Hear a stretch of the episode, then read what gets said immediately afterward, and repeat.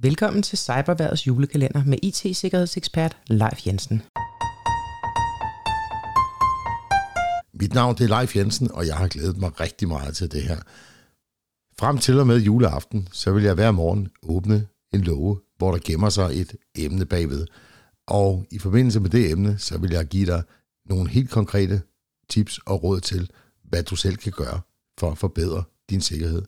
Og du har min personlige garanti for, at hvis du følger de her 24 råd igennem december, så har du reduceret risikoen væsentligt for at havne i kløerne på de kriminelle.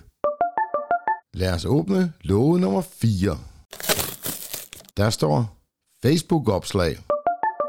Jeg har to tips til dig i dag, der handler om Facebook-opslag. Et tip omkring dine egne opslag, og så et tip omkring de opslag, du svarer på.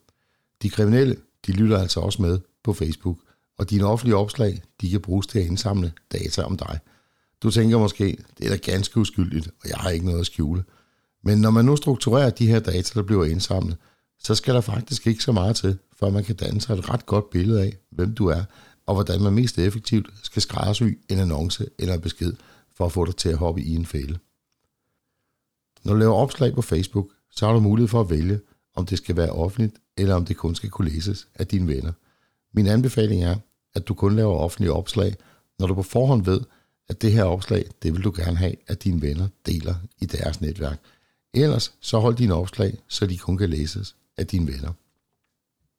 Det næste tip, det handler også om dataindsamling.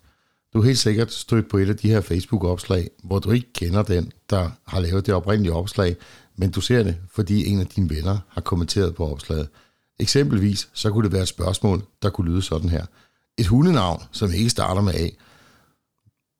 Hvis du selv har en hund, der hedder Brutus, så er der stor sandsynlighed for, at du skriver netop dette navn. Det er jo ret uskyldigt, ikke? To uger efter, så kommer der så et tilsvarende opslag, hvor der den her gang står, hvor gammel er din hund? Og du tænker, det er da hyggeligt, og skriver tre år. Nu har de kriminelle så to stykker information om dig, som de kan putte ind i deres systemer.